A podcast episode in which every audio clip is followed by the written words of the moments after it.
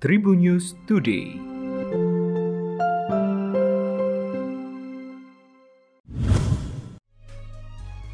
Halo Tribuners, berjumpa kembali bersama Memes. Memes akan berbagi informasi untuk kamu dimulai dari berita nasional.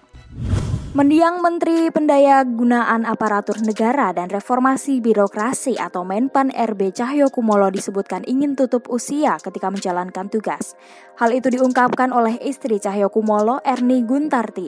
Hal itu diungkapkan oleh istri Cahyo Kumolo, Erni Guntarti, seusai mengikuti prosesi pemakaman di Taman Makam Pahlawan atau TMP Kalibata, Jakarta pada Jumat 1 Juli. Ernie menuturkan dirinya berkenalan dengan mantan Menteri Dalam Negeri atau Mendakri itu sejak di bangku sekolah menengah pertama.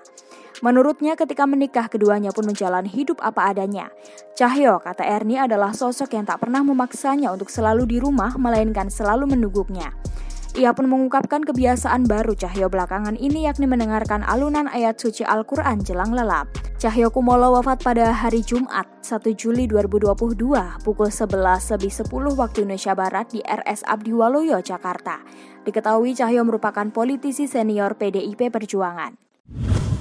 Sebanyak 1.700 lebih ternak terpapar penyakit mulut dan kaki atau PMK di Kabupaten Serdang Bedagai. Bupati Serdang Bedagai atau Sergai, Dharma Wijaya menyebut jumlah itu terus meningkat seiring merebaknya kasus PMK di sejumlah daerah di Sumatera Utara. Dharma mengungkapkan saat ini Pemkap Sergai tengah menunggu distribusi vaksin PMK dari pemerintah pusat. Kata dia, Pemkap Sergai menargetkan 1.000 dosis vaksin untuk menalangi penyebaran virus PMK. Penyediaan vaksin PMK sendiri sejauh ini masih menunggu realisasi dari pemerintah pusat ke masing-masing daerah. Karena itu, Pemkap Serge juga melakukan penyuluhan kepada peternak agar tetap menjaga kebersihan ternak dan kandang untuk mencegah penyebaran PMK.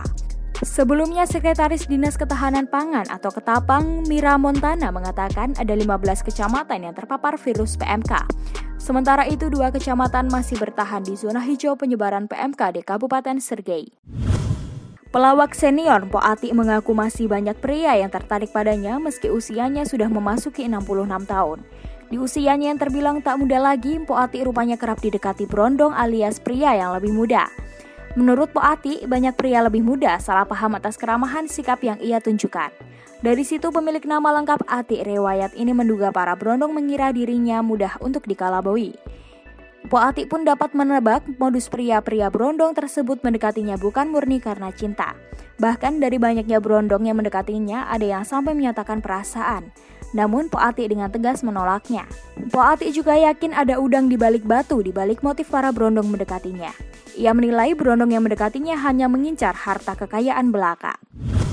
Petinju Indonesia Ongen Saknosiwi hanya butuh dua ronde untuk meraih kemenangan ke knockout atas petinju Thailand Jirawat Tamkot. Dalam dua kelas bulu bertajuk MPRO Evolution Fight Series 2022 di Balai Sarbini, Ongen tampil dengan celana berloreng biru kas instasinya bernaung di TNI AU. Selama berlangsungnya pertandingan, Ongen tampil dominan dengan menyerang sejak lonceng ronde pertama dibunyikan.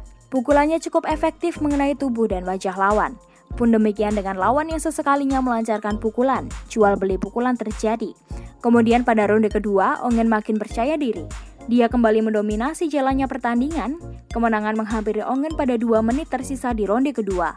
Pukulan tangan kanan Ongen lurus tepat mengenai wajah Tamakot yang membuatnya tersungkur dan tidak bisa bangkit lagi.